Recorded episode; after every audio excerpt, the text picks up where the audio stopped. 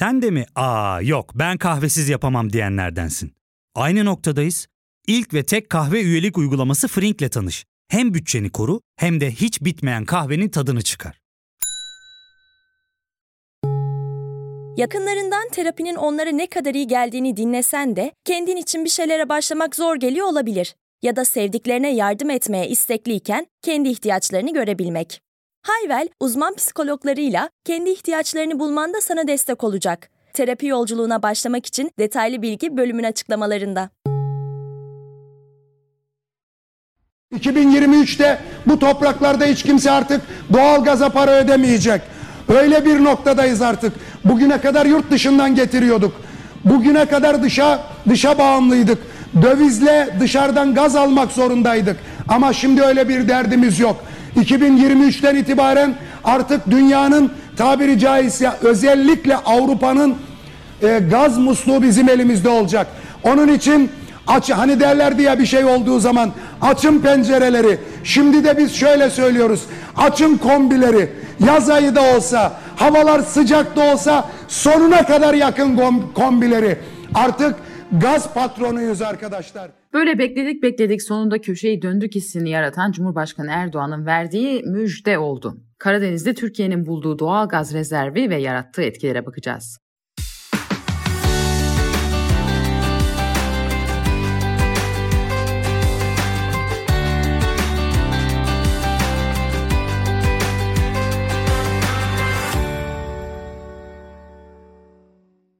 Değerli kardeşlerim, yarın malum perşembe. Ardından cuma. İnşallah cuma günü tüm milletimize bir müjdeyi vermekle karşı karşıya olacağımızı tahmin ediyor ve buna inanıyor. Ve şu anda bu müjdenin bizde hayalleri, rüyası içerisindeyiz. Cuma günü inşallah bu müjdeyi tüm milletimize vermek suretiyle Türkiye'de yeni bir dönemin açılacağına da şimdiden inanıyor. Bu düşüncelerle tabii açıklarsam bu işin heyecanı her şeyi kaybolur. Onun için açıklamamakta fayda var diye düşünüyorum. Hürriyet gazetesi yazarı Abdülkadir Selvi'nin yazısında verdiği detaylara göre Cumhurbaşkanı Erdoğan, Kalyon Güneş Teknolojileri Fabrikası'nın açılışında bir müjde vereceğini söyleyince hazırlıkları yapan ekip bir an eyvah yoksa burada mı açıklayacak diye panik olmuş. Ama Cumhurbaşkanı Cuma günü dediği için rahatlamışlar. Erdoğan müjde vereceğim dedikten sonra Berat Albayrak da Türkiye eksen değiştirecek diye tweet attı. Bu iddialı açıklamalar merak seviyesini arttırdı. Euronews Türkiye'nin Akdeniz'de doğal gaz bulduğu haberini geçerken Bloomberg bulunan gazın Karadeniz'de olduğunu vurguladı. Çarşamba gecesi Türk televizyonlarında tartışma programları felaket ateşliydi. Yorumlar daha açıklanmamış müjdeyi yorumluyor, açıklanmamış müjdeye sevinmeyenler eleştiriliyordu. Cuma günü geldi çattı. Gözler kulaklar Cumhurbaşkanı'nın saat 15'te yapacağı açıklamaya çevrildi.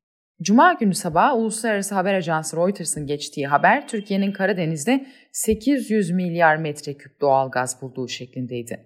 Bir yandan da Merkez Bankası dolar satıyordu. Türk lirasının dolar karşısındaki seviyesi 7.20'lere gerilemişti. Saat 15.15'te Erdoğan müjdeyi açıkladı. Aziz milletim, evet sevincimizi hep birlikte yaşamak için şimdi müjdemizi sizlerle paylaşmak istiyorum.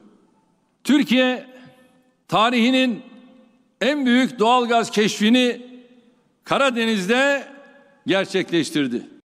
Fatih sondaj gemimiz 20 Temmuz 2020 tarihinde başladı. Tuna 1 kuyusundaki sondajında hamdolsun 320 milyar metreküp doğal gaz rezervi keşfetmiş durumda. Cumhurbaşkanı Erdoğan'dan sonra da Hazine ve Maliye Bakanı Berat Albayrak Karadeniz'de doğal gazı bulan Fatih gemisinden toplantıya canlı bağlandı. Ne doğu ne batı yeni eksen Türkiye mesajını verdi. Tabii bugünün bizim için ekstra şöyle bir anlamı var. Milletimizin tarihinde Ağustos ayı hepimizin malumu zaferler ayı. Malazgirt'ten Mohaç'a kadar, Büyük Taarruz'dan Sakarya'ya kadar hakikaten Ağustos ayında çok büyük şanlı zaferlere imza atmışız.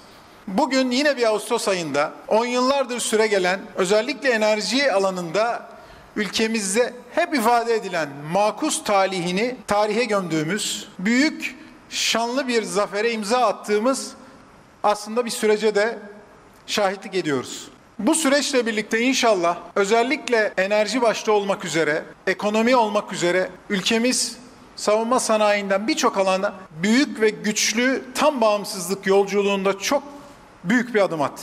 Bugün buradaki bu potansiyelle birlikte inşallah gündemimizden cari açığı değil, cari fazlayı konuşacağımız, döviz fazlasını konuşacağımız yeni bir döneminde inşallah başladığını, yeni bir sürece girdiğimizi de ben şu son saat içerisindeki bilgilendirmelerde elhamdülillah görmüş oldum. Ve Allah'ın izniyle Türkiye artık yeni bir döneme giriyor. ifade ettiğiniz gibi artık ne doğu ne batı yeni eksen Türkiye söyleminde yeni bir sürece inşallah gidiyoruz. Hazine Bakanı Berat Albayrak'ın Türkiye'nin cari açığını bitireceği yorumunu yaptığı müjde buydu. Fatih sondaj gemisi Karadeniz Ereğli'nin 175 kilometre kadar kuzeybatısında Romanya ve Bulgaristan'ın münhasır ekonomik bölge sınırlarına yakın Tuna 1 bölgesinde 320 milyar metreküplük bir doğal gaz yatağı bulmuştu. Ne var ki piyasalar müjdeyi pek de müjdeli bulmamıştı. Dolar hızlıca 7.30'ların üzerine çıktı. Borsa tekrar düşüşe geçti. Piyasalar değil ama Türk televizyonları müjdeyi beğenmişti. Bütün bunların kökeninde ekonomik güç var. Yani ekonomik anlamda ortaya koymuş olduğunuz etki, inisiyatif ve geleceğe dair potansiyel ne kadar güçlüyse karşınızdaki hasımların alacağı pozisyonlar da ona göre oluyor. Yani güçlü bir Türkiye fotoğrafıyla karşı karşıya kaldığını bilen hasımlar Türkiye ile mücadele etmek yerine anlaşmayı tercih edecekler. Şöyle söyleyelim öncelikle tabii bu iş e, çok hafife alınacak bir iş değil açıkçası. Çünkü bulunan rezerv hakikaten 320 milyar metreküp. E, şu andaki hesaplarımıza göre yani aşağı yukarı 55 milyar metreküp ile 45 milyar metreküp arasında değişiyor Türkiye'nin kullanımı yıllara göre. E, yani Dünya Bankası işletmeler için önümüzdeki dönemde iki tane risk görüyor açıkçası. Bir tanesi finansal risk yani e, finans yapılarının e, yeniden düzenlenmesi. Bir tanesi de istihdamla ilgili, borçluluk yapılarıyla ilgili bir risk görüyor. Onun için öncelikle bu bulunan gazın hem mikro bazlı işletmeler üzerinde ciddi etkileri oluşacak önümüzdeki dönemde hem de makro bazlı. E, Sayın Hazine Bakanı da söyledi bugün. Özellikle cari açık bağlamında etkisi olacak. Peki yorumcuların bu kadar beğendiği gelişme piyasayı neden etkilememişti? Daha önce çıkan haberler bulunan gazın çok daha fazla olduğuna dairdi. Belki bir neden buydu. Ama asıl nedeni Murat Yetkin Yetkin Report sitesinde kaleme aldı yazısında aktardı. Yazı şöyle, Türkiye'nin 2019'daki doğal gaz tüketimi yaklaşık 45 milyar metreküptü. 2020'de koronavirüs COVID-19 salgını nedeniyle bunun biraz altında gerçekleşebilir ama kalacağını ve önümüzdeki yıllarda biraz artacağını varsayarsak 320 milyar metreküpün Türkiye'nin ancak 6-7 senelik doğalgaz tüketimine karşılık geldiğini görürüz. Tabii 320 milyar metreküplük gazın hepsini birden çıkarmak da mümkün değil. Bir karşılaştırma yapmak için söyleyeyim. Kıbrıs Rum hükümetinin yıllardır çıkarmaya çalıştığı ancak Fransız ve İtalyan şirketlerince dahi ekonomik bulunmadığı için üstlenilmeyen doğal gaz yataklarının büyüklüğü 1.7 trilyon metreküp olarak tahmin ediliyor. Dünyanın en büyük doğal gaz yataklarına sahip Rusya'nın tahmini değil, kanıtlanmış rezervleri 50 trilyon metreküp. Onu 33.8 ile İran, 23.8 ile Katar izliyor. Yani 320 milyar metreküp küçümsenecek bir başarı değil ama maalesef Türkiye'nin enerjide dışa bağımlılığını bitirecek bir miktarda değil. Siyaset bilimci Emrah Gülsunar da işin başka bir tarafına dikkat çekiyor ve konuyla ilgili attığı tweetinde şöyle diyor. Bulunan rezervin cari açığa olumlu etkisi yıllık tahmini 700 milyon dolar civarı olacak. Türkiye her yıl turizmden kazandığı 35 milyar doların çoğunu bu yıl Avrupa Birliği ülkelerini pandemi verilerine inandıramadığı için kaybetti. Şimdi söyleyin, hukuk devleti mi daha faydalı, doğal gaz mı? Sadece bu yılın ilk 6 ayında Türkiye'nin tahvil piyasasından 7 milyar dolar hisse senedi piyasasından 4 milyar dolar tutarında yabancı yatırımcı çıktı. Bunun da önemli bir nedeni ülkede yatırım koşullarının kalmaması, öngörülebilirliğin olmaması. Emrah Gülsunar böyle yorumluyor. Bir de tabii daha önce çok fazla müjde verilmiş olması meselesi var. Sabah gazetesi 2019 yılında şöyle bir haberi sayfalarına taşımış. Tekirdağ'da Türkiye'nin 5 yıllık doğal gaz ihtiyacını karşılamaya yetecek büyüklükte olduğu belirtilen 286 milyar metreküplük doğal gaz bulundu. Yeni Şafak gazetesi yine geçen yılın Mayıs ayında Trakya'da 20 trilyon metreküplük doğal gaz rezervi bulunduğu haberini vermiş. Bunun yanında gazı bulmak tabii daha işin başlangıcı. Bundan sonra kuyu başlarının yapılması, kaç kuyuysa ona göre yanma testlerinin yapılması, sonra manifold yerleştirilmesi, deniz terminali yapılması ve sonra da terminalden karaya 150 kilometre hat çekilmesi gerekiyor. Bu her bir aşamada ayrıca bir maliyet demek oluyor. Cumhurbaşkanı Erdoğan müjde açıklamasını yaparken bu kuyunun bir başlangıç olduğunu, başka kuyuların varlığından da emin olduklarını söylemişti. Belki başka kuyularında bulunması Türkiye açısından işin rengini değiştirebilir. Ancak şu aşamada Tuna 1'de bulunan doğalgazın tek başına Türkiye'yi enerji bağımlılığından kurtarması ve cari açığını kapatması zor görünüyor. Bulunan doğalgaz kuyusunun Türkiye'nin pek çok sorununa deva olmayacağını söyleyen gazetecilerden biri de Çağlar Cilara. Biz hangi kaynağımızı doğru kullanabildik ki bu 300 milyar metreküplük doğalgaz Türkiye'nin yeni umudu haline gelsin? Bakın bizim toprağımız en az Karadeniz açıklarında bulduğumuz bu 300 metreküplük doğalgaz kadar kıymetli. Eğer işletebilseydik, doğru işletebilseydik kendi toprağımızı 300 milyar metreküplük doğalgaza ihtiyacımız bile kalmayacaktı. Bizim kendi coğrafyamız, denizimiz, limanlarımız en az Karadeniz açıklarında bulunan 300 metre küplük doğalgaz kadar kıymetli. Ama doğru işletebilseydik. Yıllardır yanlış politikalar yürütülüyor. Ki bugün çiftçinin, hayvancılıkla uğraşan e, insanların yaşadığı sorunlar, problemler ortada. Çok ciddi bir krizle karşı karşıya Türkiye. Ve bugün döviz fiyatlarının geldiği nokta da aslında bu krizin bir göstergesi, bir çıktısı. Kimse inkar edemez krizi. Biz kendi tarım ve hayvancılık gibi diğer ülkelere göre, dünyanın birçok farklı ülkesine göre avantajlı durumda olduğumuz alanları iyi kullanabilseydik, bugün 300 milyar metreküplük doğal gaz bu kadar heyecanlandırır mıydı bizi? Şimdi konuyu hep televizyonlara çıkan uluslararası ilişkiler uzmanı, güvenlik uzmanı, stratejistler, ekonomistler, emekli askerler ve gazeteciler yorumladılar. Ben o yüzden konunun gerçekten uzmanı olan bir konuk ağırlamak istedim. İstanbul Teknik Üniversitesi'nden emekli petrol ve doğalgaz mühendisliği öğretim üyesi Profesör Doktor Abdurrahman Satman. Kısa bir aradan sonra devam ediyoruz. Ya fark ettin mi? Biz en çok kahveye para harcıyoruz. Yok abi, bundan sonra günde bir. Sen Frink kullanmıyor musun? Nasıl yani? Yani kahvenden kısmına gerek yok. Frink'e üye olursan aylık sadece 1200 TL'ye istediğin çeşit kahveyi istediğin kadar içebilirsin. Günlük 40 TL'ye sınırsız kahve mi yani? Çok iyiymiş. Aynen. Hatta şu anda 200 TL'lik bir indirim kodu da var. E hadi hemen indirip üye ol da bu fırsatı kaçırma. Terapiye başlamak, içinden çıkamadığın döngüleri kırmak, bazı yanlış bulduğun kararlarını değiştirmek ve kendinle beraber daha huzurlu bir yaşam inşa etmek için atabileceğin en değerli adımlardan biri. Hayvel ile yoğun yaşam tempona uyum sağlayarak online terapi seanslarını takvimine göre ayarlayabilirsin. Bini aşkın uzmandan sana en uygun terapisti seçebilir, podb10 koduyla indirimden yararlanabilirsin. Detaylı bilgi açıklamalardaki bağlantıda. Abdurrahman Bey merhabalar. Bu müjdenin bir takım detayları paylaşıldı hükümet yetkilileri tarafından. Ama bir de işin teknik detayları var. Bunun üzerine farklı farklı açıklamalar yapanlar var. Şimdi bu gaz ne kadar derinde, nasıl çıkartılacak, nasıl işlenecek, nasıl dağıtılacak, nasıl oluyor bu iş?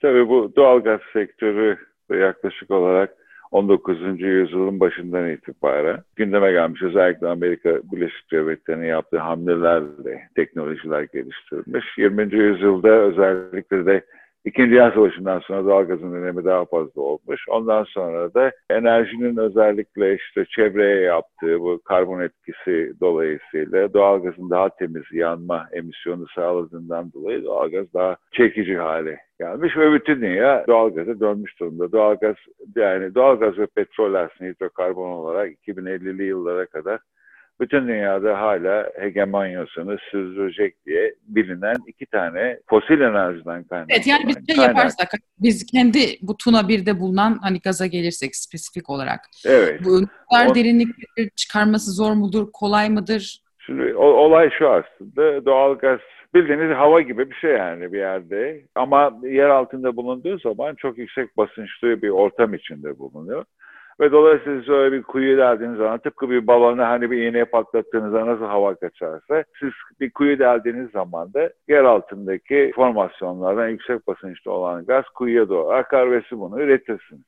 Şimdi bu ürettiğiniz doğal gaz aslında dünyada baktığınız zaman çok değişik derinliklerde bulunuyor. Bazen karada, bazen denizde bulunuyor. 1000, 1500 metre derinlikten başlayıp 8-10 bin metre derinliğe kadar olan yerlerde doğal gaza e, rastlanmış durumda ve üretiliyor da. Bu arada da doğalgaz aslında yapı itibariyle sadece kendisi doğalgaz olarak gelmiyor.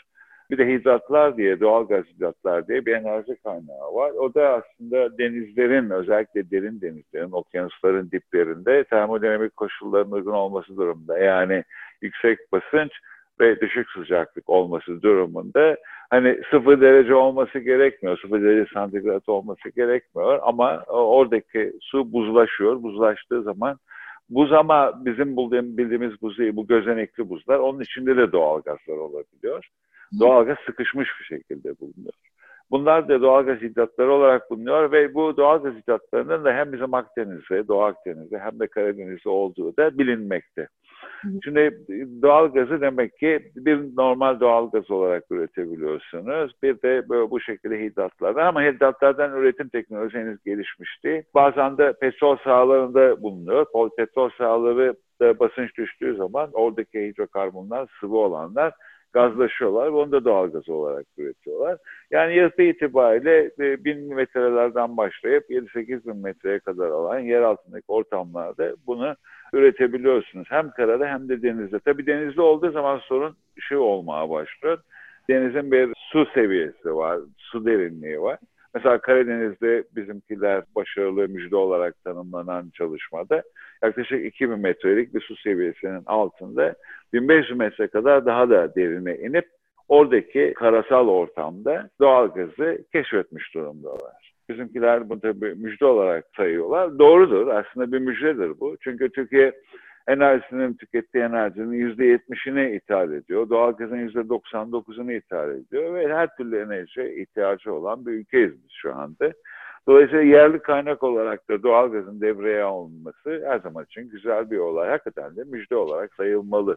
Ama bu iş bu kadar da kolay değil tabii. Yani rakam hani 320 milyar metreküp olarak ifade ediliyor. Buna rezerv deniyor ama ben bunun rezerv olarak tanımlanmasının pek doğru olmadığını düşünüyorum. Buna potansiyel desek daha iyi. Yani yer altında şu kadar bir doğal gaz var. Çünkü rezerv üretim miktarına yönelik bir olay. Yani ben ürettiğim zaman bu ancak benim rezervim oluyor. Üretemezsem yer altında da kalabiliyor bir kısmı. Hmm. Doğalgaz sahalarında yaklaşık olarak yerinde bulunan sizin o keşfettiğiniz potansiyelin iyimser koşullarda %70 kadarını falan üretebiliyorsunuz. Eğer 320 milyar doğruysa demek ki 250 milyar metrekübüne bunu üretebiliriz diyebilirsiniz. Tabii şu da tartışılabilir. 320 milyar metreküp acaba hangi varsayımlarla belirlendi? Onu gerçekten bilmiyorum teknik olarak da. Bilmiyorum dediğim ben akademik olarak biliyorum bunun nasıl hesabının nasıl yapılacağını da hangi varsayımlarla böyle bir rakama ulaşıldığı konusunda pek fazla bir yorum yapmak durumunda değilim. Peki etraftaki olsun. diğer kuyularda Cumhurbaşkanı diyor ki hani bu ilk diğer kuyularda da daha fazla doğalgaz olduğunu tahmin ediyoruz diyor. Aslında Neşe Hanım diğer kuyularda değil de daha derine inilmesi durumunda yine farklı formasyonlar bulunabileceğini ifade ediyorlar. Aslında yanlış da bir şey değil. Neden biliyor musunuz? Her zaman için bizim petrol sektöründe şöyle bir inanış var. Özellikle Türkiye Petrolleri yönetiminde eskiden beri vardı bu. İşte Azerbaycan'da yani Hazar Denizi'nden uzanan ta Romanya'ya kadar Karadeniz'e geçerek uzanan bir alanda belli bir bazen olduğu, hidrokarbon bazeni oluyor ve burada da petrol ve doğal gazın olabileceğini hep söylüyorlardı. Ve aslında yalan da değil çünkü Romanya hem petrolü karada üretebiliyor hem de Karadeniz'de şu anda bizim bulduğumuz, keşif yaptığımız bölgeye yakın onların sularında deniz sularında doğal gaz e, üretimi yapıyorlar. Dolayısıyla biz de bunu yapabiliriz. Ve bu da doğal gazın bizim için derinlik olarak bakıldığında şu anda bir tek kuyuyla derdik ama çok daha fazla kuyularla veya çok daha derine inmemiz durumunda dile getirilen potansiyel rakamdan çok daha yüksek Peki TPA başına e, çıkarıp çıkarıp işte bunu BOTAŞ'a ulaştırabiliyor mu yoksa nasıl olacak?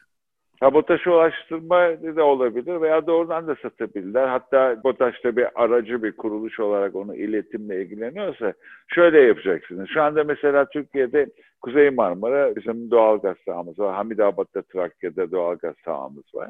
Burada siz kuyulardan üretiyorsunuz bunu. Yüzeyde bazı donanımlardan geçiriyorsunuz. Doğal gazı arıtıyorsunuz daha doğrusu. Mümkün olduğu kadar doğal gaz çünkü kullanıcıya metan olarak gitmesi gerekiyor. %99-98 oranında metan. Ve dolayısıyla onun o bileşimini e, bir yerde düzelterek, mümkün olduğu kadar metan oranını yükselterek veya istenmeyenlere azaltarak tüketiciye veriyorsunuz. Ama bunun içinde bazı donanımlar, yüzeyli bazı donanımlardan geçmesi lazım. O yetmiyor. Ondan sonra bunu boru hattına vermeniz lazım. Ki aslında BOTAŞ'ın aracılığı orada başlıyor zaten. Boru hattına bunu verirken kompresörlerle basınçlandırıyorsunuz. Boru hattını istediğiniz yere taşıyorsunuz. Bu Türkiye'nin içinde de olabilir, Türkiye'nin dışında da olabilir. Örneğin Türkiye'den şu anda ta Arnavutluğa kadar giden veya Avusturya'ya gitmesi planlanan boru hattımız var.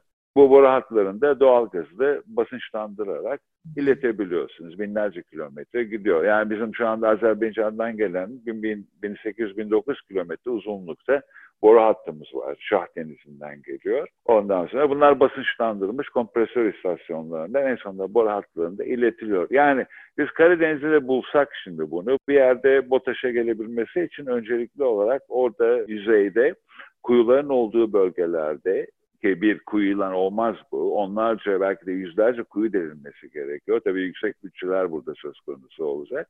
Bu kuyulardan gelen doğalgaz belli üretim platformlarında toplanacak. Yani üretim depolarında toplanacak. Oradaki kompresör istasyonlarıyla hazırlanmış olan bor hatlarına verilecek. Bu bor hatları denizde tabii döşeniyor olacak. Tıpkı biliyorsunuz Türk akımı veya mavi akım gibi bize Karadeniz'in kuzeyinde Rusya'dan gelen doğal gaz var biliyorsunuz. Ona benzer yöntemlerle bor hatları karalara verilecek. Karalarda da eğer BOTAŞ'a verilecekse BOTAŞ tarafından alınacak. İstenilen boru hattına tekrar başka bir boru hattına verilecek ve satılacak veya tüketiciye iletilecek.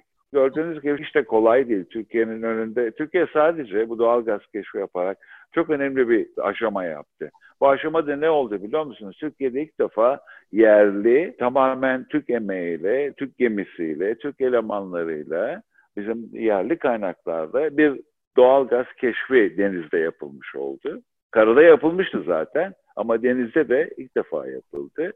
Daha önce Akçakoca'da, Silivri'de, Kuzey Marmara Gaz sahasında bizim bazı deneyimlerimiz vardı ama bu deneyimlerimiz hiçbir zaman yüzde yüz Türk yerli katkısıyla gerçekleşmemişti. O bakımdan bunu çok sevindirici bir haber olarak bakmak lazım. Ama bundan sonraki aşamalarımız hiç de kolay değil. Örneğin denizde boru hattı döşenmesi bile başlı başına son derece modern teknolojileri gerektiren donanımlar ve e, aynı zamanda bütçe istiyor. E, bunun için de Türkiye'nin yeni adımlarında gene atması gerek veya Batılılarla o teknolojiye sahip kurumlarla, şirketlerle bir araya gelerek yepyeni projeler geliştirmesi gerek ki aslında bunlar da o kadar kolay değil. Çok iyi anladım. Çok teşekkürler. Estağfurullah, rica ederim. Verilen doğal gaz müjdesi şimdilik Türkiye'nin finansal görünümünü pek de değiştirmemiş görünüyor. Müjdenin verildiği cuma gününün akşamı Uluslararası Kredi Derecelendirme Kuruluşu Fitch, Türkiye'nin kredi notunu BB olarak açıkladı, görünümü ise durağından negatife revize etti. Evet artık kısmet başka müjdelere diyelim. Dinlenme rakamlarını yakından takip ediyoruz. Yaklaşık 100 ülkeden dinleyicilerimize ulaşıyoruz. Tabi Türkiye'nin ardından Almanya, Amerika Birleşik Devletleri, Hollanda, İngiltere ve Kanada geliyor. Hafta içinde listelerde Kanada'yı, Avustralya'yı oldukça zorladık. Belli günler Kanada'yı geçti. İki ülke arasında tatlı bir rekabet var. Bu vesileyle Türkiye dışından bizi dinleyen herkese de selam gönderelim ve bölümü noktalayalım. Yeni bölümde görüşmek üzere.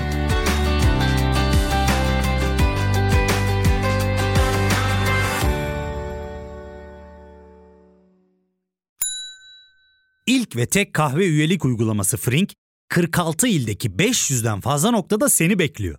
Açıklamadaki kodu girerek sana özel 200 TL'lik indirimden faydalanmayı unutma. Hadi sen de Frink üyeliğini başlat, kahven hiç bitmesin.